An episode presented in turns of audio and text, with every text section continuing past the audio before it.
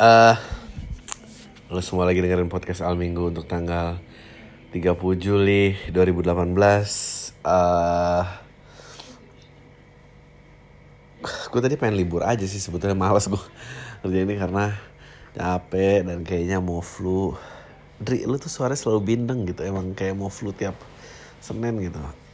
Mungkin gue emang gak suka Senin aja karena karena gue masih menjadi budak kapitalisme nggak ada yang gue gak budak kapitalisme. Um, kebanyakan dari lo mungkin ya masih tapi gue uh, ya belum terlepas tapi lumayan lah udah nggak budak-budak amat.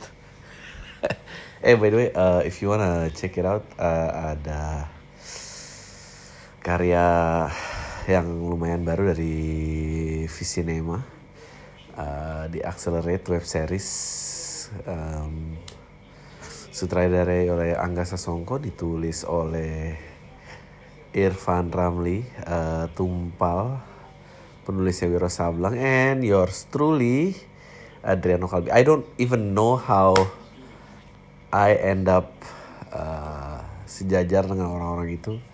Uh, it's truly an honor karena gue modalnya cuma sotoy doang sampai habis. Um, you would see some of my jokes uh, kalau lo mau familiar dengan stand up gue gue taruh di situ. Um, yeah, it's fun. It's fun to collaborate um, and uh, ya Wiro Sableng. Oh gue bahas ini aja kali. Uh, Wiro Sableng akan keluar ya 31 Agustus. Uh, I just watch Buffalo Boys. Uh, nice. Maksud gue I like it how gue suka actingnya. Gue suka actingnya Om Tio gue suka actingnya si dua orang itu.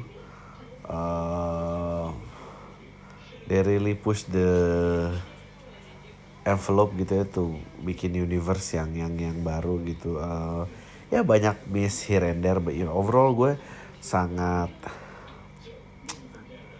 um, sangat terhibur lah. Karena gue suka dialog-dialog yang gue tuh pokoknya kalau film tuh gampang gue struktur apa gitu gitu bisa nomor berapa sekian lah. Maksudnya gue berusaha nggak nggak um, untuk menaruh uh, mindset maker gue dalam kalau gue ngeliat sesuatu gue cuma ngeliat eh gue entertaining apa enggak? gitu. Uh, karakter karakter karakternya gue beli apa enggak?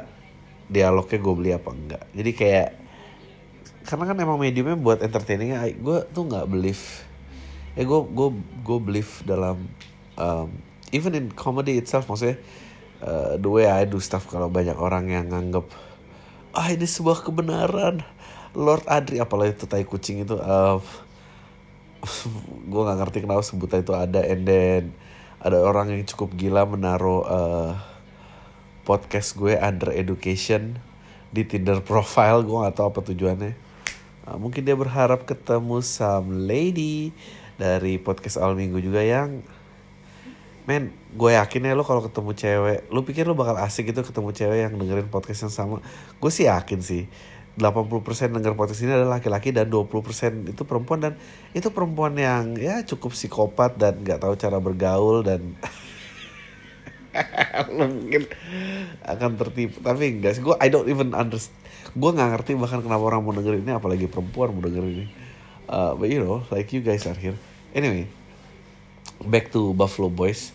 Uh, yeah, maksud gue menghibur uh, production quality yang sangat bagus gitu, uh, universe yang bisa gue percaya gitu. Uh, soalnya gue nggak suka tuh dialog-dialog uh, yang uh, apa, dialog-dialog uh, yang yang yang menyuarakan adegan gitu, kayak orangnya kelihatan marah terus aku marah sekali sama kamu. Tai, nyat gue udah lihat lu marah gitu, gak usah lu sebut lagi gitu, goblok banget sih. How stupid uh, kita emang sampai harus di gitu-gituin terus gitu.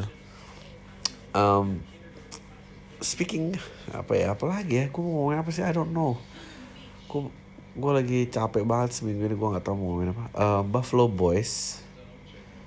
Ya udah lama. Gue gue sih seneng banget ya dengan uh, perkembangan banyak OTT player dan uh, OTT player tuh kayak iFlick Netflix, Hook, uh, Amazon Prime, bla bla bla. Uh, karena itu ngebuka ngebuka uh, market dan bisa nge-reach market-market yang uh, lebih sophisticated dan bahkan uh, dan atau bahkan lebih mass tapi enaknya lebih targeted gitu dia tahu yang mana. Um,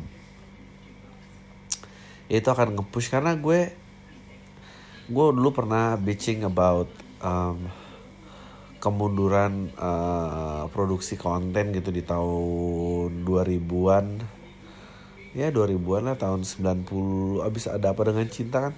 Sempet ada periode mati suri gitu ya. Terus um, karya-karya yang box office tuh uh, mundur gitu. Gue pernah bahas lewat jam malam uh, lo harus nonton sih lewat jam malam. Lewat jam malam tuh tahun 50 berapa udah ngomongin PTSD tentang prajurit yang uh, pulang ke masa damai suruh kawin suruh jadi kontraktor tapi nggak terima karena kontraktornya korup ke mau balik lagi ke militeri militernya korup and then padahal diingetin uh, harus pulang sebelum uh, curfew sebelum jam malam gitu. Akhirnya dia dibunuh. Ya karena dia lagi gila terus dia mati gara-gara curfew itu amazing lah tuh tahun 50-an and gue baru bahas. Gue lupa judul film Dononya apa.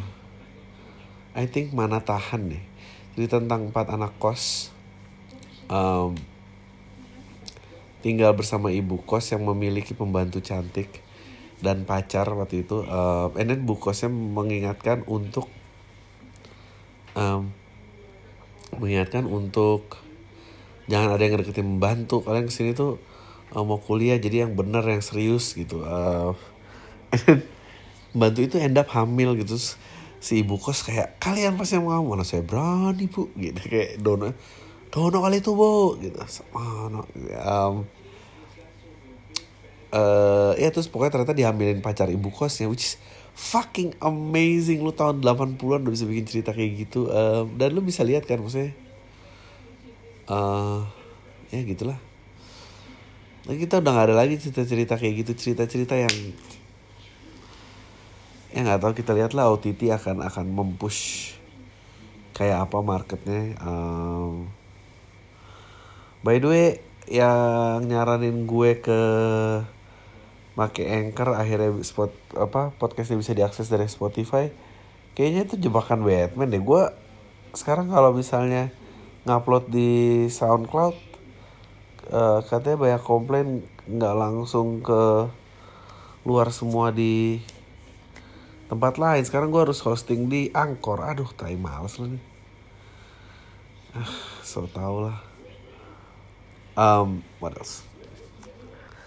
Um ya gitu deh. Uh, apa ya gue uh, oh, ya jadi Buffalo Boys tuh kan gitu. Terus kemarin ada Kulari. Kulari men gue tuh kayak gue tuh udah nggak bisa dengan tulus berkomentar kayak ini jelek ini kayak tai bla bla bla bla. Karena semua orang kenal. Uh, I hate this I hate uh, gue I don't mind the fame. No actually I mind the fame. No no, maksudnya gue gue pengen karya gue dikonsumsi orang banyak tapi gue nggak kuat nggak kuat dan networking dan basa-basi. Karena lo pengen ngomong gitu ya jelek aja sih. Karya lo uh, karya lu jelek. Eh lu suka hari ini? Ah ya bagus. Apa gitu? I hate that I hate um, itulah.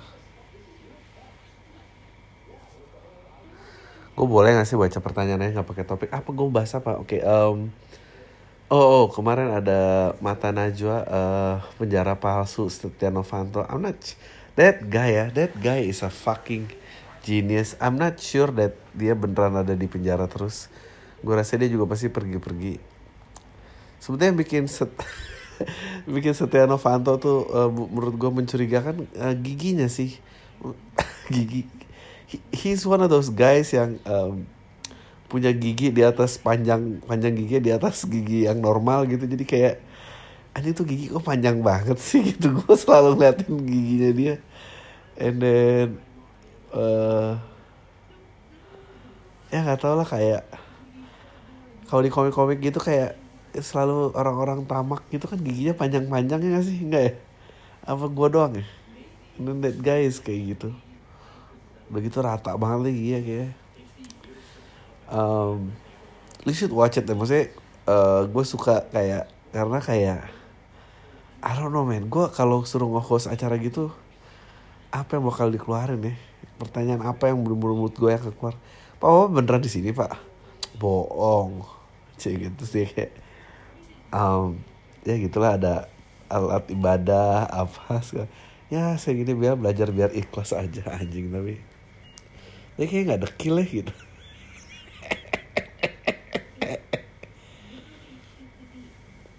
Kayak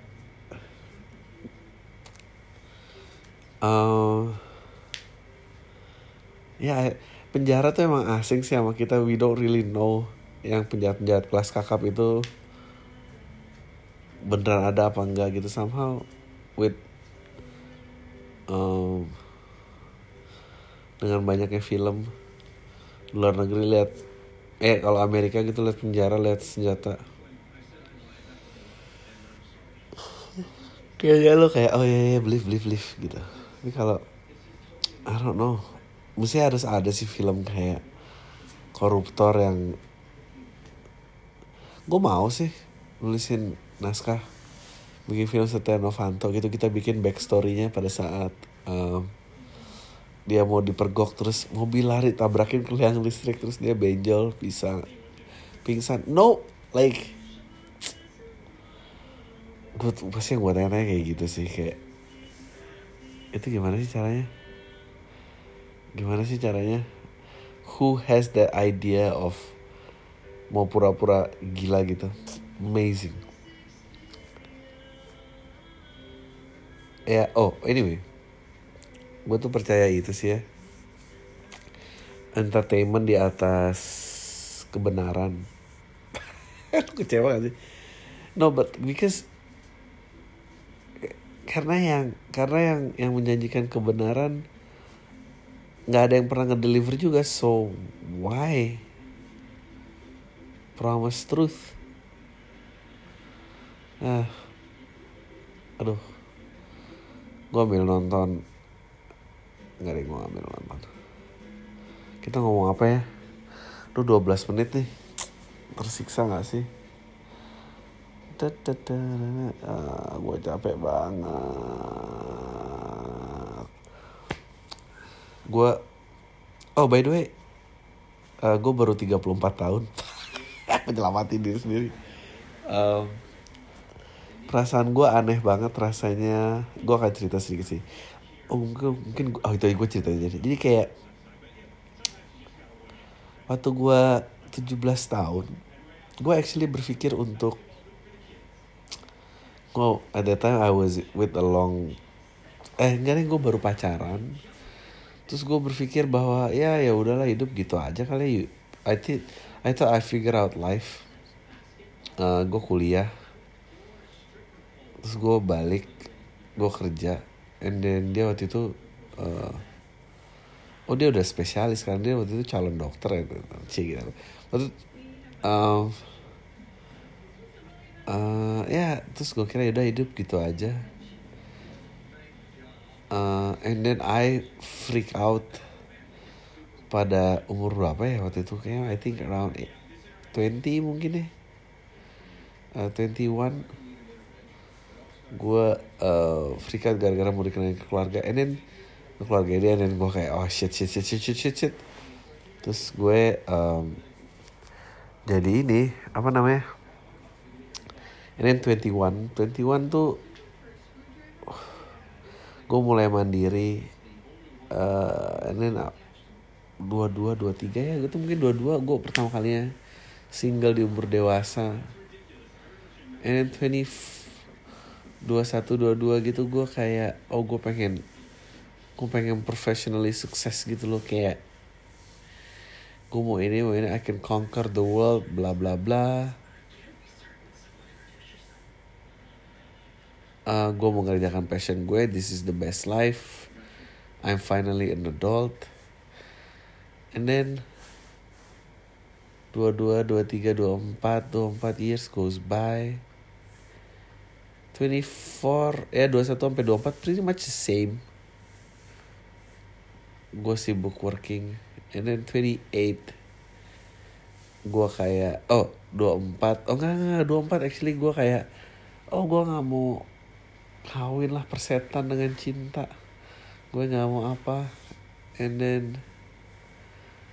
28 gue Oh 28 was a fucking depressive year have Gue bukannya mau ngajarin lu untuk kejar passion ya Tapi Gue gua habis ngobrol gitu sama orang ya Setelah lulus SMA dia uh, Cabut dari keluarganya Dia bartending aja dan um, oh ini gue selesaiin dulu deh hidup gue and then tiga and then tiga dua delapan gue kira aduh hancur lah kayak hidup gue gue bosen banget.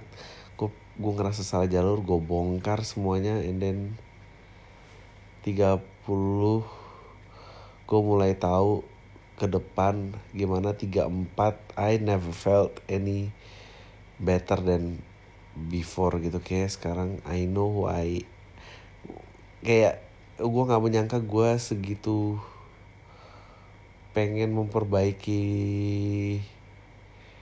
kesejahteraan gitu. Pengen ngeraih sesuatu yang lebih besar lagi punya mimpi lebih gede.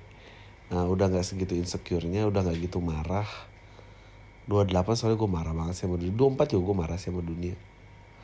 Um, tapi tapi yang kayak gitu-gitu sih itu emang jernih sih. Kayak gue baru ketemu orang dia lulus SMA uh, keluar dari rumah 8 tahun bartending.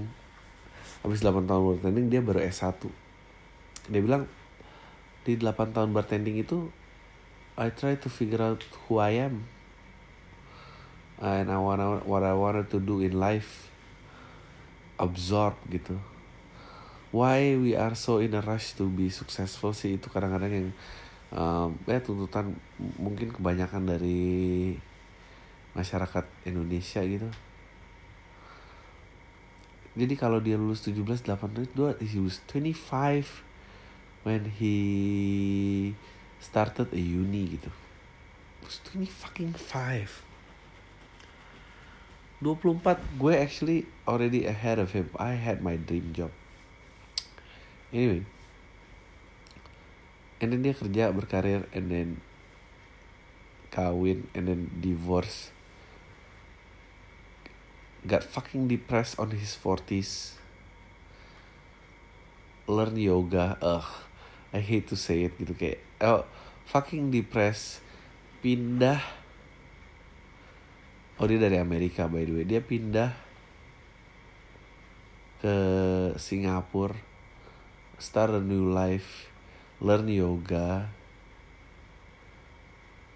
and then oh waktu dia muda he was partying hard and doing drugs and then you know hang out sama artis dan apa pokoknya parah lah.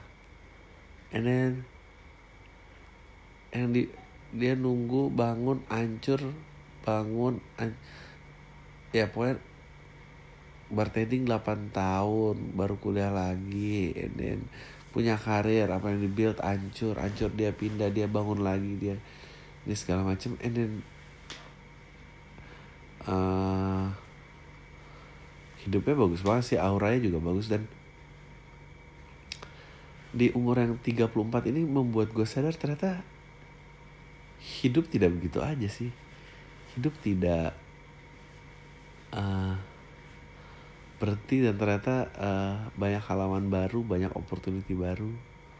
Banyak dari sisi lo juga yang gak lo kenal and then I don't know maybe ketakutan jadi miskin was a ketakutan yang besar gitu. Makanya lo di push untuk cepat gitu. Padahal semuanya itu relatif. Anjing gue juga pernah sih ngobrol sama dia, dia bilang terus semua itu relatif ya. Lo pikir kalau lo kuliahnya lambat terus ada kuliah yang cepet dia pasti lebih sukses daripada lu. Belum tentu. Bisa aja dia dapat kerja lama. Lu yang dapat kerja cepet or zamannya yang berbeda. Apa ini ini bisa aja dia mati duluan tai. Ujung-ujungnya mati. Tapi you know you get the you get the point. Di mana kayak uh, tapi memang karena maraton ya sometimes life gets boring and you lose focus and then and then you do things as a robot gitu ya putar putar putar putar and then you then you start to believe that would be your life gitu. I'm sure orang itu juga ngerasa gitu men. Lu lulus SMA ini kualifikasi lu untuk bekerja apa sih? Nggak ada you know. Lu bakal bekerja semi semi kasar gitu maksudnya nggak kuli lah tapi kayak ya, eh tapi nggak itu kategorinya kerja kasar ya. And I guess you just don't give up. Lu 8 tahun bartending gitu ya lu pasti nyangka ya udah that's the that's what you have as your future gitu. Ternyata enggak. When you have a drive pada saat lo tahu lo mau ngapain dan ya lo, lo kejar gitu with, dengan maturity yang cukup mestinya lo punya kekokohan yang cukup juga gitu. And punya karir and then build a family and every and after all of that shit crumbles he still came back. And then dia tuh 55 54 like he looks even younger dari than me you know. I think the point what I'm trying to say adalah if you start to accept apa pun yang dalam keadaan hidup lo that would become your reality gitu. But if you choose to fight back and then dan sadar bahwa oh bakal ada kesempatan juga kok di tikungan berikutnya. Dan bakal ada ini kayaknya kayaknya tuh lumayan tuh. I'm not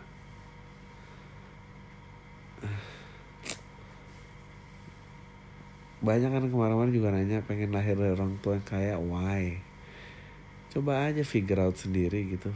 I think it's a fun playground.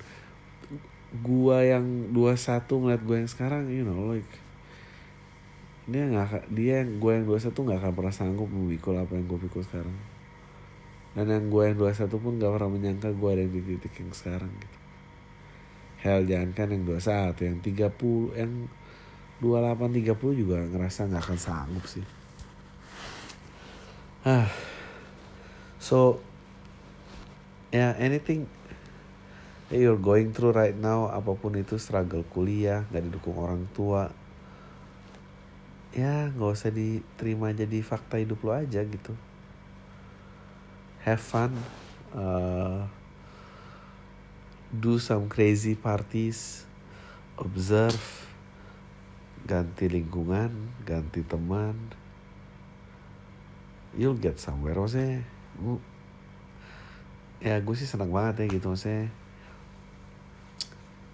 Uh, memang jangan keribetan di konsep sih. Banyakin dieksekusi aja maksudnya gue sih berusaha bersyukur banget ya kayak bisa ngerjain dan setara sama orang-orang itu. Even though bagian gue nggak sebanyak mereka but you know. I'm there. I gue yang 21 nggak akan bisa lihat itu. Gue yang 21 waktu itu mikirnya kayak ya ya udah mungkin gue kawin kali sama orang ini. Nggak nggak tau lah bakal kayak apa. Oke. Okay. kayaknya uh, pertanyaan aja capek ya gue kelarin nih let's do this shit Uh, uh, uh, uh, uh. Wow, banyak sekali ya pertanyaannya. Uh, Monday, Sunday. Oke, okay, let's do this. Uh, jangan sebut nama. Jadi uh, gue tahun lalu ikut ajang pencarian bakat stand up dan gue lolos. Cuma pada saat itu gue ragu karena gue masih kerja dan udah jadi karyawan tetap. Kalau gue mau ambil gue harus resign dari kerjaan karena gue harus ikut karantina. Tapi karena dukungan teman-teman gue akhirnya gue resign dari kerjaan gue dan gue lanjutin kompetisinya. Sialnya gue gagal di babak awal jadi dan gue jadi pengangguran. Oh shit teman-teman gue yang tadinya ngedukung malah jadi ledekin gue karena bakal gagal di babak awal. Gue jadi curiga jangan-jangan tujuan ajang pencarian bakat itu bukan mencari bintang tapi menambah beban negara.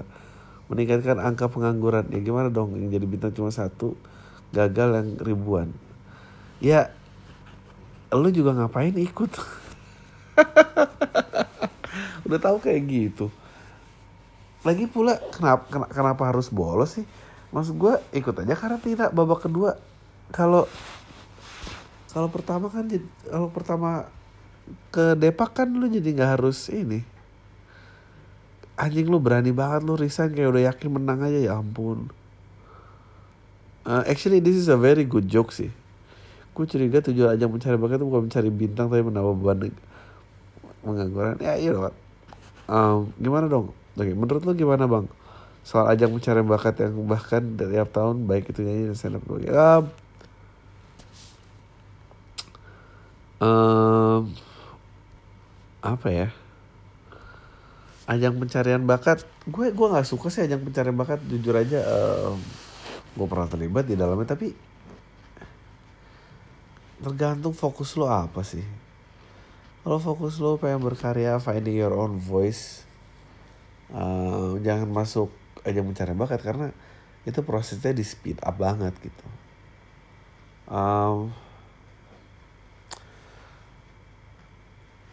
nggak tahu ya gue nggak yakin akan ada ya yeah, like if it's Led Zeppelin that name is gonna fucking stay gitu. Uh, Robin Williams gonna fucking stay Led Zeppelin gonna fucking stay Janis Joplin Bee Gees Michael Jackson all of those name itu nggak datang dari ajang pencarian bakat sih itu aja sih. Gue ragu sih. Siapa sih di sini yang kayak like the only paling konsisten pemenang in American Idol nya cuma Ke Kelly Kelly Clarkson. Kelly Clarkson? Kelly Clarkson? Ah nggak tahu lah ya pokoknya itu lah sisanya siapa? Coba nggak ada men. Um, ya the V uh, maksudnya pressure exposure. Gak tau men. Gue sih senengnya bikin kerjaan bikin karya bikin sesuatu gitu.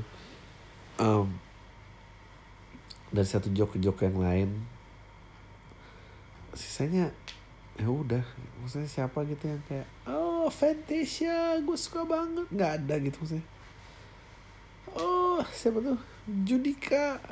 Oh siapa lah itu. Kayaknya nggak ada ya. Oke bang impersonate senior cowok yang lagi ngospek marahin bam maba maba tapi sih? Oh mahasiswa baru. Cewek cakep dong padahal seniornya itu kepincut sama ceweknya. Thanks bang anjing lucu juga nih uh, kamu lagi nggak sopan banget ke kampus kayak gini Nggak mau pikir kamu siapa kamu paling populer waktu SMA Hah? SMA dari mana sih? Padahal lagi mikir kalau SMS itu mungkin rumahnya di situ ya. I don't know man. Gue nggak gue nggak pernah ngegalak-galakin orang kayak gitu sih.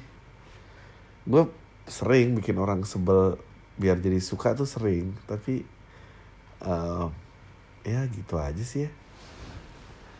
Nggak ospek-ospek kan. Uh, gue ya oke gue ceritain aja. Gue dulu paling sebel kayak um, dulu waktu gue SMA pada minta kolekan gitu senior gue eh dulu karena sering tawuran kalau ada yang cedera dan masuk rumah sakit gue mau lah kolekan kasihan kalau udah masuk rumah sakit tapi mulai parah gara-gara kolekan uh, buat beli bunga buat nembak temen gue anjing banget kesel banget gue ada lagi. Minta kolekan buat nembak sim gue mati.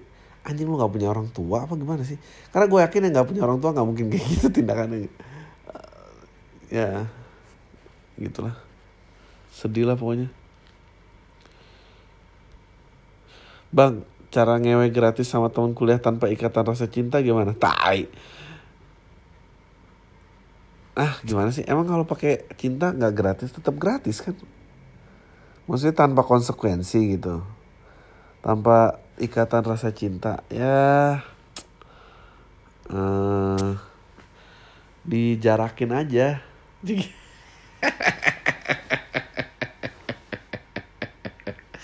Dan keseringan. Kalau udah sering-sering bolak-balik pasti ya gitu deh. Uh, nggak tahu gue. Caranya caranya gimana ya? Caranya kalau bisa jangan satu. Selingannya banyak itu satu. Kedua buat perjanjian di awal. Um, ya jangan lebih dari tiga kali lah. Kalau tiga kali lo udah harus siap itu panjang. Nah, tapi lo juga jangan baru sekali terus kayak oh, cinta gitu. Nggak jangan gitu. Eh gitu deh kira-kira. Tahu oh iya, akhir-akhirnya gue uh, sering nonton video di YouTube menjelaskan tentang krisis-krisis yang terjadi di negara lain mulai dari runtuhnya ekonomi Venezuela. Set deh, pinter-pinter amat sih pendengar gue. Konflik politik Erdogan di Turki, korupnya Presiden Afrika Selatan, dan masih banyak lagi. Hampir semuanya punya kesamaan. Negara yang awalnya cukup makmur dan beradab berubah menjadi kacau karena presidennya karena presiden all it takes is just one shitty politician. No, no, gue nggak percaya ini. I don't believe any of this shit. Um, lu pikir Hitler was on his own? Gak mungkin, man.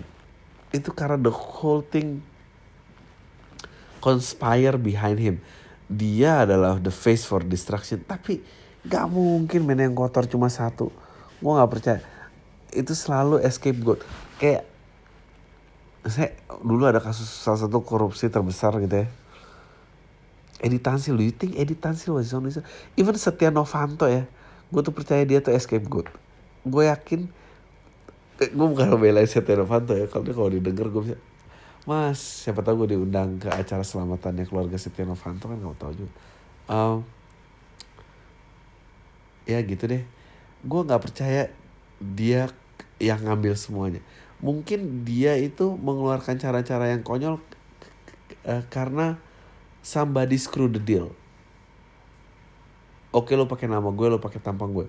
But if shit went down, ada yang tanggung jawab ya. Terus nggak ada yang tanggung jawab. Eh, tapi make sure gue aman ya. Terus somebody break the deal dia yang dilempar gue gak percaya sama sih I don't believe any of those shit uh, ditambah gue baca artikel Doomsday Prep for Super Rich oke okay.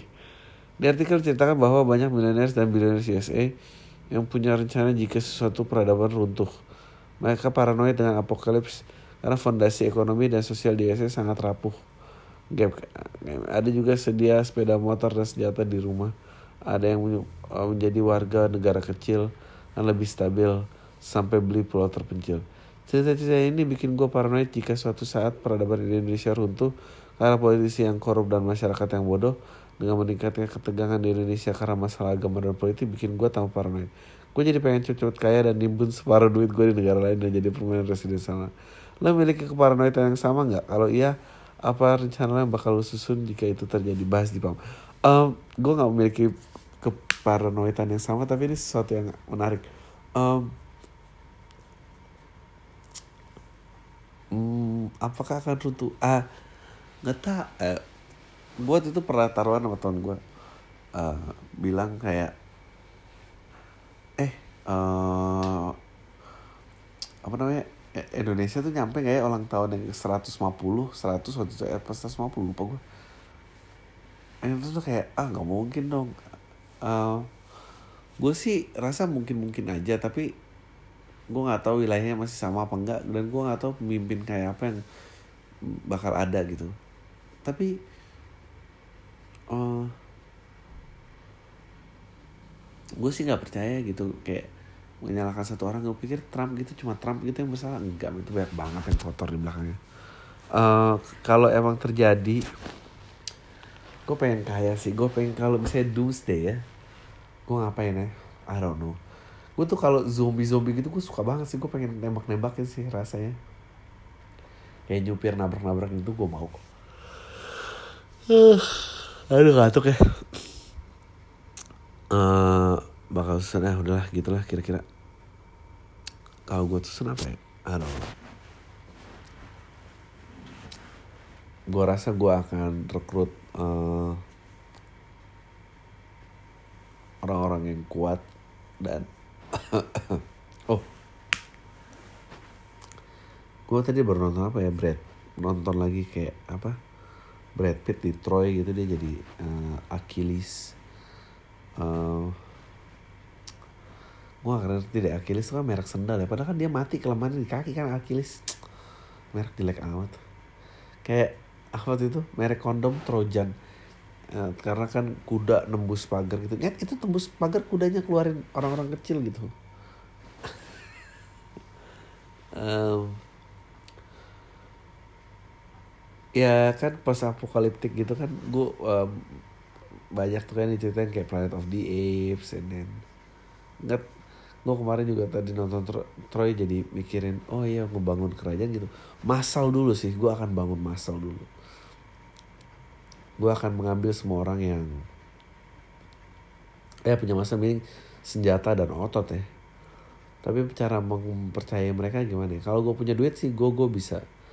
Tapi pada saat itu gue gua udah nggak bisa dibayar pakai mereka nggak bisa pakai duit pasti bayar pakai emas. Mungkin emas masih bisa tapi kalau misalnya semua peradaban runtuh nggak ada sistem logam mulia lagi ya gue akan mulai itu uh, dan mulai bangun kastil aja di mana kayak gitu nggak tahu lah gue ngomong apa sih oke okay mohon solusi Gak disebut nama gue untuk sama nama baik keluarga gue. Ya lah.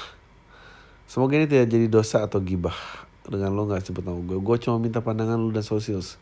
Terima kasih sebelumnya. Uh, pagi, siang, sore, malam. Uh, gue dengerin podcast lo. Gak rutin sih tapi gue sering denger podcast lo. Ini bukan pertanyaan gue. Pertanyaan uh, pertama gue. Alhamdulillah. Dulu pertanyaan gue sempet lo respon waktu lo masih main SFM gue cowok 26 tahun singkatnya dengan singkat-singkatnya sebenarnya kalau emang panjang berarti aslinya panjang banget. Yuk kita mulai. Bokap cokap cerai alhamdulillah. Karena bokap adalah suami yang dan ayah yang jahat secara agama dan negara. Bisa deh. Gue kira uh, setelah bokap nyokap cerai gue kakak gue dan nyokap gue akan bahagia. Ternyata kebahagiaan yang ada hanyalah kamuflase dan hanya sementara. Kakak gue cowok langsung nikah. Beberapa saat nyokap cerai dan membuat nyokap gue kekurangan perhatian dari sosok suami dan anak pertamanya. Tinggallah gue yang dikas yang kasih perhatian ke nyokap. Ajak jalan-jalan, beli ini itu ya bagian nyokap lah. Udah karena nyokap gue kurang perhatian dari kakak gue, nyokap gue makin benci status baru anak pertamanya itu karena tabiat menantunya. Kakak ipar gue, istri kakak gue. Kenapa? Karena istri kakak gue suka pakai pakaian yang nggak pantas menurut nyokap gue. Kalau di rumah ngerokok depan nyokap gue malas bantu beres-beres rumah segala kekurangan kakek ipar gue. Dan sampai masalah yang ganggu nyokap setelah 10 tahun pernikahan ya kakak gue belum punya anak. Nyokap gue worry ini faktor gen dari kakak ipar gue. Tau dari mana? Soalnya tante-tante kakak ipar gue itu juga susah punya anak dan nyokap gue nggak bisa berkompromi dengan hal itu Faktanya ya bang, nyokap gue ini wanita yang drama queen dari masa kecil dan ke bawah sampai sekarang. Kedua, nyokap terbiasa gibah. Biasa membicarakan masalah internal keluarga keluar rumah. Teman-temannya, tetangga, dan orang yang baru dia kenal. Bahkan supir taksi pun bisa jadi tempat curhat. Bahaya banget bang. Tiga, nyokap adalah wanita yang selalu ngerasa benar. Eh, nggak pernah ngaku dan berani ngaku salah. Pun kalau dia sadar dia salah setelah perdebatan panjang dan akhirnya diakui dengan cengengesan dan gak mau lagi diingetin kalau dia pernah salah. Sedihnya lagi ini cuma berlaku jika kesalahan beliau. Kesalahan yang remeh-temeh. Kalau skala besar, oh jangan berharap nyokap mau ngaku salah. Lewat pergaulan nyokap, maaf kurang elit. Dia ini nongkrong sama teman-teman senam kelurahan di sini. emang emang pergaulan nyokap nyokap yang elit tuh kayak apa sih? Uh, tapi banyak mak mama yang maaf kurang terus belajar. Gara-gara ini mindset nyokap pun nggak jauh dari lingkungannya. Nyokap nggak bisa mendengar pendapat orang lain yang jika ada pendapat yang berbeda dari dia. Dia anggap sebagai tantangan atau lawan walau itu kebenaran. Walau itu da dari orang-orang yang dia sayang sama dia. Seperti anak-anaknya jadi apa pun sama dia nggak pernah pak buset deh. Semuanya makanya semuanya men mental. Oh ini mental bukan mental. Hati yang lapang. Oke nyokap nggak mau nikah lagi karena fakta nomor empat dia udah berdalih dengan meyakini omongan tontonnya udah bu santai aja. Kalau udah janda mah bebas mau ngapain aja. Nggak ada yang larang nggak ada yang ngomelin. Ini salah banget buat nyokap gue liar dan maaf picik dalam menghina kehidupan. Maksudnya, inti masalahnya bang adalah setelah mengetahui poin dan fakta di atas, nyokap dapat info kalau kakak gue disantet dan diguna-guna sama istrinya. Oh ini seru nih. Biar kakak gue tunduk sama istrinya. Padahal gue udah belajar agama bang. Gue melihat gak ada indikasi sihir di abang gue anjing nih. Jelas ini semua gue murni fitnah. Fitnah ini tersebar di keluarga kakak ipar gue bisa deh. Jelas semenjak belum Ramadan kami jadi belum bertemu dengan keluarga kakak ipar hingga sekarang. Gak ada bukber, gak ada lebaran sama mereka gara-gara fitnah ini. Ya iyalah. Uh, di sisi nyokap bilang ini benar. Tapi minta bukti walaupun kakak gue udah diobatin dari kenalan nyokap. Maksudnya. Dan ternyata emang gak ada perubahan apa-apa setelah aku diobatin itu kan jadinya udah gak saya ini semua berita bohong. Nah salah satu dampak buat gue adalah gue nggak bisa nikah. Kalau masalah gue ini masih ganggu pikiran gue dan ada kemungkinan ini bisa berulang di kehidupan rumah tangga gue nanti. Makanya pas nikah mending gue kontrak daripada hidup atau atap dengan ibu sendiri biar gak ada intervensi. Sekian bang kalau kesah gue. Maaf tapi ini sungguhnya sudah dipangkas banget dari intervensi panjangnya. Makasih banget udah mau coba kasih solusi. Hah? Gue mau kasih solusi apa? Semoga pandangan sosial bisa kasih opsi tambahan yang ikhtiar gue menyelamatkan keluarga dan selalu dimudahkan lo jalannya menghadap cinta dan ridho Tuhan selamat ah, oke okay. terima kasih uh, lo mau dengar saran gue nggak I think uh, lo harus bawa nyokap lo ke psikolog dia dia mungkin punya sesuatu I'm not sure I think you have to bring her to consultation lo harus bawa segera karena apa karena gue rasa it affects you too how lo bikin judgment dan ngeliat fakta dan apa segala macam. You should get it check man. Oke, okay, gue sedesperate ini sampai email lo. Sebenarnya selamat untuk Spotify, gue nggak tahu sih ini selamat buat lo atau kalau semua, tapi kalau buat gue tay lah. Dari dulu lo cari di Spotify belum ada, sekarang pakai SoundCloud tapi nggak enak gara-gara nggak bisa download. Bisa SoundCloud di download, akhirnya gue pakai podcast player bisa di download di short juga. Eh sekarang masuk Spotify. Thailand berantakan lagi playlist gue yang tadinya udah rapi di podcast player. Ya udah. Tolong gue gue lahir 91 27 tahun. Nyokap gue baru meninggal awal tahun ini bokap gue udah lama meninggal adik gue udah duluan. Hah? Gue sendiri. Udah nikah 2 tahun tapi belum punya anak. Gue ikut suami dinas di luar kota. Tiap pulang ke Jakarta gue pasti harus main ke rumah mertua. Normal sih tapi masalahnya gue nggak suka keluarga suami gue nggak suka kenapa? Adalah pandangan-pandangan yang di keluarganya yang gak sejalan sama di keluarga gue. Keluarga besar gue juga sependapat sama gue tapi kita yang nggak berantem cakar-cakaran kalau ketemu sebatas sih gue nggak nyaman bergaul keluarga suami gue tapi setiap main dari keluarga gue langsung uring-uringan dan mood berhari-hari. Parah gak sih gue harus gimana ya telan aja. Tapi gue takut one day nggak tahan dan muntah. Kalau dibenerin apa yang harus gue benerin dari sisi gue ya? Suami gue itu juga menyadari keluarganya emang sekeos itu. Gue sama suami gue nggak sama sekali nggak ada masalah. Uh, tahu men terima aja sih gitu-gitu. Paling ya gue bukan mau doain orang tua cepat cepat mati ya cuma kayak ya ya udahlah mau gimana? Awareness uh, tentang behavior lo dan perasaan lo itu orang dulu nggak punya knowledge men. Ya emang kita tuh lebih berwawasan sih. Buat mereka kayak ya udah gitu tuh biasa intrusif tuh biasa ya gitulah. Sama kenal ada Cianjur. Gue mau minta saran sama lo nih gue ada seorang lulusan keguruan bahasa Inggris dan sekarang gue lagi pengen bikin kursusan private gitu. Nah gara-gara keseringan dengerin Pablo nih dan gue tau lo pernah gawe di advertising gue jadi kepikiran bikin video konten. Saya ngiklan di Instagram gue masalahnya gue bingung kira-kira yang bagus itu kontennya gimana ya bang mana gue tahu. Ya lu coba lah lu belum coba apa apa aja udah kayak gini. Gak tau men. Jelek juga ntar paling apa ganti. Eh, nobody cares udahlah gue sempat bikinan video-video tips gitu tapi gue mikir itu basi banget. Enggak. Menurut gue tuh nggak basi. Yang basi tuh nggak ngapa-ngapain sih itu yang basi sih. Gue nggak ada ide.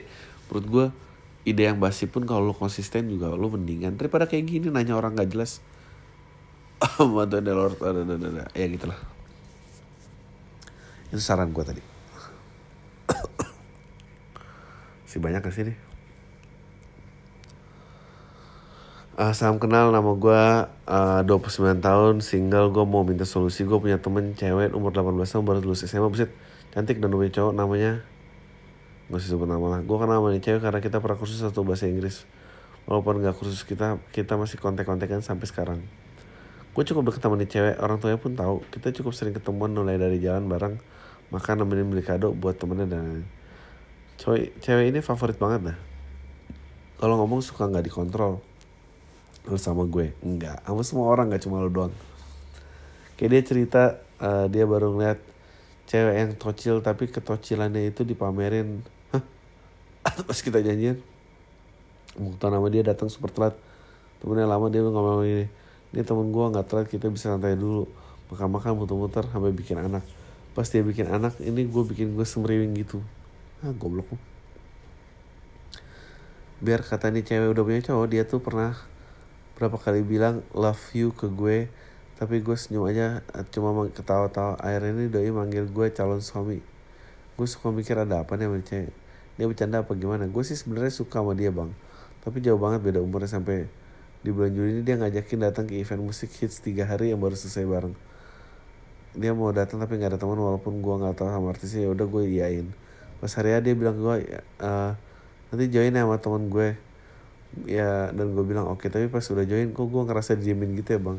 Dia fun banget teman-temannya nyanyi foto baru oke. Okay. nggak diemin banget sih bang. Dia masih ngomong mau minum nggak? Mau makan nggak? Ikut yuk beli gulali tapi cuma habis gitu aja. Itu gue memutuskan gue mulai gak nyaman dan memutuskan untuk pisah. Pas band yang dia tonton udah selesai main kita mau ke belakang ambil istirahat. Tujuh band berikutnya karena untuk keluar dadadadada desak-desakan nih untuk pisah. Gue mau bikin skenario kita pisah karena desak-desakan tapi nggak bisa bang. Karena dia tarik baju gue terus deh sekeras apa pun gue coba terobos kerumunan tetap aja tangan dia nggak lepas dari baju gue akhirnya gue mau ke toilet aja buat pisah tapi dia nggak setuju itu karena akan tetap susah ngubunginnya. Oke gue ke toilet dia nelpon. Lain tapi nggak masuk HP gue karena modem wifi dia pegang. Terus pas dapet sinyal gue balasnya chat bilang ya lu sama tonton lo aja dulu ya gue mau muter muter-muter. Ya udah oke okay, katanya hari berikutnya sampai hari terakhir sama aja bang. Gue didimin doang goblok. Gue nelfon terus klien tetap gue didimin udah kesel banget. Satu jam mau balik baru bales. Mungkin gue juga salah karena terlalu cepat menarik diri berasumsi. Dede kenapa bang? Gue bisa dicuekin gini padahal kita beli tiket bareng.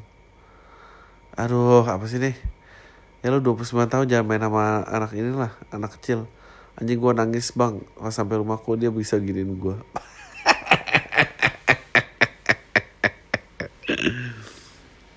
Cowok 29 tahun nangis gara-gara cewek umur 18 tahun fuck banget Sampai temen gue aja udah tahu kalau ada yang gak beres sama gue karena dilihat IG-nya Nia gak ada foto gue sama sekali. Temen gue ini DM Nia nanya gue mana dia bilang gak tahu dia suka hilang-hilang. Gue pengen banget ngomong ke dia kalau gue gak suka diginiin tapi gue takut bang. Ah, takut dia malah gak mau berhubungan sama gue lagi. Ya ya lu terima aja kalau kayak gitu. Tapi masih ini gue pendam cie dan sampai sekarang dia bilang biasa aja gitu kayak nggak ada yang aneh bang. Ada saran nggak bang? Gue harus ngomong ke dia aduh nggak tau main dia 10 tahun men. Lu juga ngapain sih? Ya ngomongin aja sih. Lu emang gak pernah pacaran pas sebelumnya kan pernah ditolak. Ya paling ya sekarang lu ditolak sama umur 18 tahun. Bego saat ulang tahun gue mau nanya nih gue lelaki umur 31 tahun first graduate dan baru aja bekerja. Hah? Eh 21 tahun. Gue udah putus sama mantan gue yang sebelumnya sekitar udah tiga bulan pacaran. Yang udah lima tahun. Kan gue bingung mau mulai dengan yang baru caranya gimana. Gue lagi sama, suka sama seorang teman kampus cuma beda jurusannya tapi satu angkatan. Gue suka sama dia sampai sampai IG dia itu gue turn on notification biar tahu idih dia lagi ngapain aja lagi update apa. Intinya gimana ya bang?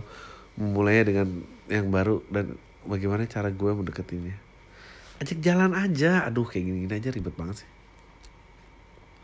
Udah lulus udah kerja aja bingung deketin cewek. Kalau nggak punya duit tuh baru bingung. Gue nonton show Paradox di Jogja. Gue kaget. Sampai sana jumlah penonton mungkin gak nyampe 100 Jok Rahmat di awal roasting tentang keadaan show itu di Jogja menurut dia kurang fame dan di satu part dia sampai ngeblank mau ngomong apa dan Segitu kagetnya dia lihat respon kolamnya di Jogja ternyata nggak sebesar harapan dia. Apa karena dia udah beberapa, mencoba masuk sinetron di TV dan beberapa kali dia ngerasa sangat mudah mengumpulkan crowd untuk dia. Tapi gue ngeliat show-nya dari materi dia udah berubah lumayan jauh. Udah sedikit bahas-bahas masa SMK dia. Dari sekian banyak yang ketawa yang ada di materi tentang SMK, dia itu penonton ketawa yang paling kenceng. Padahal Ramet proses evolusi dari segi materi tapi penonton kecewa. Kenceng sama masterpiece materi dia dia selama di Suci yaitu eh, SMK. Gue bisa bayangin nanti saat Ramet udah lulus kuliah, kayak materi tentang SMK, tentang Chongli gurunya dan lain-lainnya. Gue gue bingung kenapa gue eh tayah. Gue udah panjang-panjang. Oke. Okay. Selamat sore. Eh, Oke ini beda event nih. Oh mari happy birthday. Gue udah mau bulan pindah kerja kerjanya enak tapi kerja, dari kerja tapi pertanyaan dan gue ada satu cewek yang gak ada kerjaan tapi gajinya belasan juta. Kerjaan dia itu cuma bikin kopi ngerum bikin kopi ngerumpi makan dan kepoin kerjaan orang. Menurut lo gue harus gimana ngadepin kayak orang kayak gini bang? Karena tangan ke bos besar gue jauh di pamit ya pasrah aja. Lo lu komplain dia lo lu bunuh diri lo sendiri sih menurut gue tinggal lo mau ini apa enggak. Um, itu emang nasib men. Banyak yang kayak gitu. Gue banyak banget sih. Yang prestasinya gemilang tapi nggak pernah nyumbang apa apa gitu banyak banget. Gue baru nemu podcast lo mulai dengerin opini-opini lo. Gue mau tahu pendapat lo tentang true love. Karena gue beneran ngalamin gue punya mantan waktu SMA kita pacaran cukup lama tiga setengah tahun akhirnya putus secara aneh. Tapi sekarang gue gak pernah bisa jawab. Gue tanya orang kenapa kita putus? Dia dia ada satu mantan gue yang which was my first girlfriend dan sekarang gue udah nikah dan punya dua anak. Maksudnya cuma ini orang sering banget muncul di mimpi gue. Dia sering muncul di pikiran gue kalau lagi kosong dan gue jarang paham kenapa. I felt sorry for my wife karena gue jujur aja gue dulu jadian sama dia sebagai pelarian dari mantan gue yang tiba-tiba jadi sama orang lain. Gue jalani hubungan sama istri gue yang notabene gue nggak pernah yakin perasaan gue ke dia cie. Tapi dia terus banget ke gue sejak hari pertama jadian gue dulu tuh setelah putus tanpa kejelasan dari mantan gue hampir nggak pernah kontak BBM dikit-dikit aja sekedar nanya kabar. Sampai suatu ketika gue dapet feeling out of nowhere gue kepikiran kalau dia lagi dekat sama cewek cowok. Dan gue nanya dia dan dia iyain dia bilang baru deket sama tuh cowok. Bahkan di hari dia bakal jadian sama tuh cowok malamnya gue dapat feeling dia bakal pergi sama satu cowok ke suatu tempat dan jadian di sana. Dan ternyata benar keesokan harinya dia jadian dan ditembak di tempat yang sama. Wow dan feeling gue gue langsung tahu dia tuh langsung cabut karena dari siangnya gue udah coba SMS dan BBM dia but no respon. Sampai malam dia baru kabarin gue dan dia kaget kok gue bisa tahu dari mana? Oke. Okay kinda six sense. Ya nggak tahu mungkin lo six sense tapi nggak cinta kali. Um, tapi anehnya cuma berlaku ke dia doang. Sekarang gue udah pindah ke US sama anak istri gue dan gue masih sering mimpin dia padahal gue nggak punya kontak dia dan nggak punya akses ke sosmed dia gue pengen move on but I don't know though I love my kids gue gue nggak pengen situasi ini di suatu marriage soalnya agak panjang Mudah-mudahan dia respon uh, whenever you come to LA bang. Wih gaya banget nih pendengar gue di LA. Um, ya mungkin lo six sense aja sih. Ya memang ada beberapa orang-orang yang bersefrekuensi dan terus-terus kayak gitu. Um, gue sendiri ada beberapa orang-orang yang kalau deket uh, gue mimpi dia minta ajak ngobrol tuh biasanya dia bermasalah. But you know gue gue nggak pernah merasa itu tanda apa ya? Gue rasa memang lo aja sih kayaknya nggak Aduh gue gak pernah main ngerasain kayak gitu-gitu gue bingung. Uh, gue rasa apa ya kayak gitu-gitu tuh. Gue di satu sisi iri dan gue karena nggak pernah jadi nggak bisa bayangin itu gue nggak pernah memberhentikan hidup gue di sebuah periode karena ingat seseorang gue nggak pernah gitu. Apalagi ya kayak tadi 21, 24, 28 hingga hingga satu tiga dua gitu sama tiga empat beda banget men. Lu yang gue sayang di sana ya nggak tau lah. Gue mau nanya dong. Eh, oh ya oh ya gue rasa sih gitu-gitu sih pasrahin aja sih kenapa nggak dicari sih di Google nama lengkap masa nggak ketemu tanya dong menurut lo gimana orang-orang yang sok bawa agama di setiap kondisi padahal ya perlu logika sederhana? Ya terkesannya ribet banget mau ngurus sama dia. Kalau pengen ngobrol bener kalau ngomong ABCD tapi gue juga beda agama sama dia. Giliran gue bantah dengan agama gue dia bilang itu salah bla bla bla. Kan tai depan cewek sok agamis depannya. Belakangnya keluarga kan kayak bangsat. Nah terus gue harus jawab? Oh uh, iya lo gak usah temenin sih orang-orang kayak gitu ganti temen aja. Lo gak mau nyalon jadi presiden tahun 2019 bang. Gak, gak ada duit. Oke uh, Pertama semoga Pertama Oke nih ucapan selamat Oke oke oke. Semoga uh, Bertambah usia 34 Rezeki lo lancar Keresahan lo semakin banyak Dan biar ini terus lanjut sama Buat kita-kita yang masih butuh ditanya nama Oke Pertanyaan kali ini gue mulai baca-baca buku yang gue penasaran yang lu rekomendasikan Brave New World itu science fiction karangan Adolf Huxley bareng George Orwell ya? Enggak, Adolf Huxley doang. George Orwell itu 1984. Terus gue pengen tanya bang, gimana sih cara kita tahu mana buku yang bagus buat dibaca, mana yang enggak? Uh, pertama, lo harus tahu sukanya baca buku apa. Kedua, lihat review aja. Uh, Bang, akhirnya gue ngemail ke Pam cuma mengucapkan selamat ya bang. Akhirnya podcastnya ada Spotify dan selamat ulang tahun. Ditunggu tahun depan. Terima kasih. Oh dia kirim artwork juga, nice. Oke. Okay. Is it true that negative speech affect the, the brain? Iyalah. Uh, gue minggu lalu send email uh, about how I know your podcast that berawal dari podcast Quran. Goblok. Uh, ke podcast awal minggu. First of all, Thanks dari responnya. To be honest, yang lo saran gue untuk ganti temen, I think it's not very easy for me. Ya, terus lo maunya apa, men? Lo minta saran, terus maunya saran yang gampang buat lo ya temennya itu. Jadi lo harus ganti dong. Gue agak susah bersosial apalagi orang secara cepat. Apalagi semenjak kerja gue jadi milih-milih teman unless orang itu nyambung oke okay, ya iyalah sifat kegasan lo mulai nular ke gue nih enggak gue sih sukanya nyari yang nggak pasti. Daripada udah pasti tai mendingan cari yang nggak pasti. Ambil aja resikonya. Baru ngomong sama pikiran gue ada cowok yang ngomong ke gue kalau setiap kita ngomong kasar negatif mempengaruhi otak kita jadi rusak. Dan cara kita ngomong gue ya mungkin kali. Nyuruh gue agak risih sih cari dia ngomong gue karena agak pinter aja tuh orang. Masih gue temenin. Ah Selintas gue langsung kepikiran orang-orang yang sering ngomong kasar. Uh, bisa dibilang termasuk lubang, ya gak sih? Enggak sih, biasa aja gue. Gue tau loh temen-temen gue yang lebih kasar. Karena sama podcast lo masih keluar bang kalimat kasar atau negatif tersebut is it affecting your brain? Karena uh, not really, it's a comedy. I know how to make it funny. Nah, bukan cuma plain complain gitu kalau waktu komplain doang tuh nyebelin sih gue karena menurut gue as long as omongan negatif itu cuma selintas keluar dari mulut kita tanpa pikiran gitu aja efeknya kayak cuma kurang sopan aja. Tanggapan lo apa bang? Iya menurut gue juga kayak gitu aja. Uh, karena ada orang yang ngomong things like that ke lo. Tuh biasanya pas orang itu ngomong ke gue gue tanggapan gue cuma awas lo ngomong anjing lagi ntar rusak otak gitu aja sih ya dia sih suka aja sih sama lo. Caper-caper gitu. Biasalah. Gue pendengar setia lo dari Pekanbaru. Rata-rata pendengar lo uh, sering cerita tentang nikah muda ya bang. Uh, dan tips buat nikah muda. Menurut gue Thailand nikah muda. Mereka nggak tahu aja gimana caranya ngasih makan orang lain.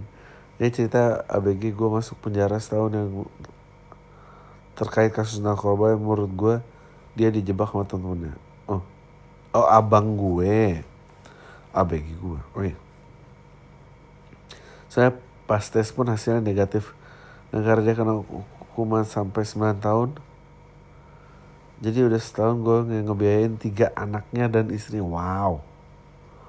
Belum lagi lebaran kemarin bapak tiri gue meninggal tambah banyak kepala yang harus gue kasih makan. Udah gaji gue cuma ya Gak usah gue sebut karena jadi oper, uh, operator warnet. Nah, jadi sekarang ini gue khawatir dengar dari bos saya mau ditutup seminggu dari sekarang. Menurut lo gimana caranya biar gue nggak depresi? Sudah dua bulan awal gue masuk penjara, gue pernah nyoba buat bunuh diri. Sialnya cewek gue datang ke rumah dan ngebatalin niat gue gantung diri. Buset ya. Um, olahraga, uh, jangan banyak beban di pikiran, banyakin gerak. Kalau pikiran lo nggak mampu, lo harus bantu sama badan lo.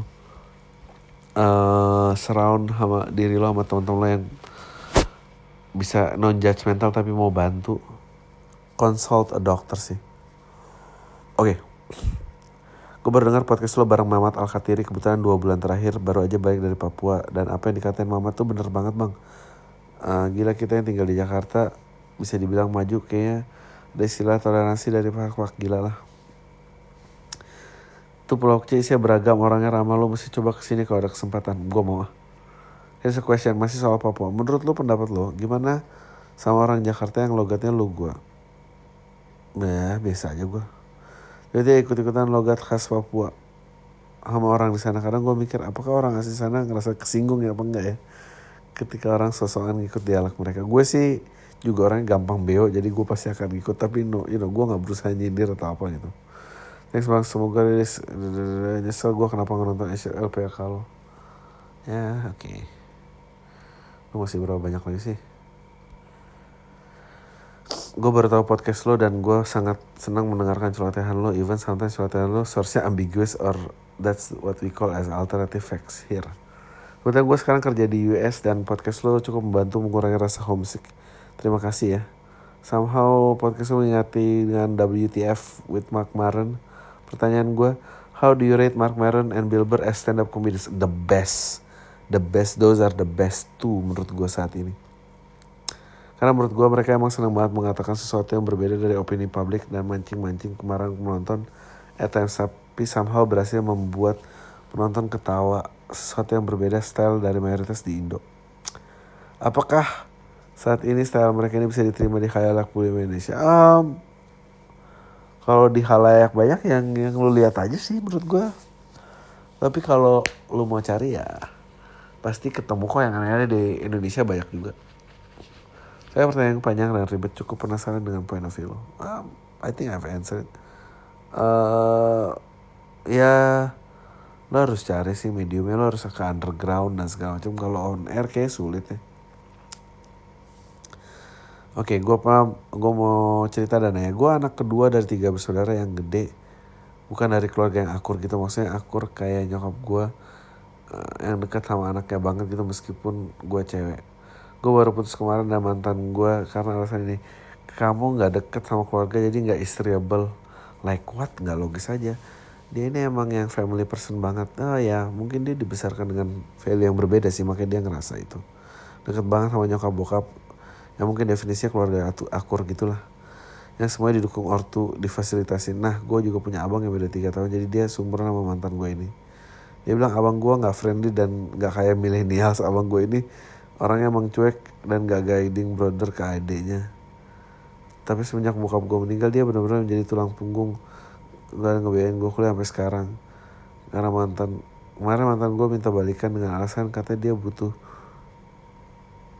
katanya dia butuh orang kayak gue dan orang gak terlalu melankolis ke, ke keluarga dia pendengar pam dan dia pasti baca Coba dong bang, kalau gue minta saran lo gimana cara dia tahu kalau nggak semua orang itu family person. Nah siap ulang tahun dirayain sama keluarga kayak keluarga dia, thanks. Iya orang mah beda-beda. Dia harus bisa buka wawasannya men. Dia tuh pikir hidup kayak dia doang apa? Tapi menurut gue ya kalau dia udah nyakitin harga dulu tinggal aja. Uh, menurut Bang Adri jadi anak orang terkenal atau orang sukses itu tekanan hidupnya berat nggak? Kalau dari kalau anaknya nanti nggak sukses ortunya. Uh, kalau dari yang gue tahu sih tekanannya lumayan sih. Dia merasa tertekan ya tapi te tekanan diberi dari luar gue nggak tahu. Tapi ya makanya gue bilang gue selalu bersyukur sih orang tua gue bukan siapa-siapa gue umur 23 tahun Agustus ini gue pernah gue penggemar stand up juga. Gue pernah nyoba open mic gitu tahun 2012 2013 pas SMA open mic di stand up Jakpus lokasi waktu itu masih dekat rumah. Dua kali open mic. Pernah pas open mic sebelum gue open mic tampil duluan malah si Mongol. Bukan gue padahal kan yang artis si Mongol. Hah? Gimana sih? Dan tampil duluan malah si Mongol bukan gue. Padahal kan yang artis si Mongol. Oh. Joknya gitu. Eh, nggak uh, tahu apa yang gue dikerjain sama komunitas apa enggak tapi gue pengen nyobain open mic lagi nih bang. Oh ya eh nyobain aja. Oh, maaf bang pendulannya kepanjangan. Gue mau cerita aja bang. Gue punya pacar dan pacar gue itu menurut gue cewek idaman sih. Gue udah jalin hubungan selama 4 tahun tapi kadang gue nggak tapi kadang-kadang gue takut jadi nggak sukses terus doi diambil orang emang enak menurut lo pemikiran harus dibuang apa gimana bang? Uh, ya pemikiran kayak gini. Uh, dan bukan usahanya biar nggak bikin dia diambil orang sih. Uh, makasih bang udah membaca. Semoga tayang besok senin. Sukses buat bang Andri. Oke. Okay. bang gue juga bikin podcast gue kalau bisa mau cek boleh soundcloud slash Dani Damara. D H A N Y Damara. Mau nanya dong kalau misalnya kita udah bayar SoundCloud Pro Unlimited ketika habis satu bulan subscribe Pro Unlimited sedangkan isi podcastnya udah lebih dari 1800 menit gimana ya ah, kayaknya di lock deh sama dia di lock nggak mungkin kehapus oke okay. dua lagi Kenalin saya pendengar Anda dari Madiun. Saya mau cerita tentang keresahan saya ketika saya punya pacar dan udah jalan hampir 2 tahun. Saya ngerasa nggak cocok soalnya obrolan kita kurang sejalur. Pengen ngomong ke dia tapi nggak berani uh, dan masa terberat saya sudah terlanjur akrab sama keluarga terutama bapak dia. Dan juga kasihan kelihatannya serius banget sama hubungan ini sedangkan aku nggak tahu kenapa masih ada rasa yang mantanku. Soalnya dulu pacaran hampir lima tahun sedangkan si mantan masih dikit-dikit kontak walaupun juga si dia punya pasangan. Dulu putus karena nggak dapat restu orang keluarga. Menurut abang saya harus gimana pertahankan hubungan atau sudah hubungan ini menurut gue sih sudahin sih semua kalau gue ngapain? Yang sana ada historinya yang di sini nggak nyaman ya udah. Kalaupun terpaksa harus menjadi alasan dengan harus apa yang saya bicarakan kepada keluarga dia. Ah ngapain lu ngomong keluarganya? Itu kan antara lo berdua cabut aja. Kan mau putus kan bukan mau ngawinin. Ngawinin mah nggak perlu restu kali. Eh mau putus mah nggak perlu restu kali. Hal bang ini pertama kali gue ngirim surat ke PAM jadi gue keterima di dua universitas dengan jurusan berbeda. Mending milih teknik geologi atau D1 ke negara kebendaharaan negara stan. Dua-duanya pengen tapi harus milih ha. Nah kalau dari nama sih kayaknya teknik geologi ya. Gue nggak tahu tuh kebendaharaan negara tuh ngapain. Um, tahu men. I'm not you. Uh, apa ya? tapi Stan bagus sih teknik geologi itu tapi kayak keren ya kayak profesor-profesor mendeteksi kapan datangnya gempa. Oh, udah itu aja ya. Capek gue Taylor semua deh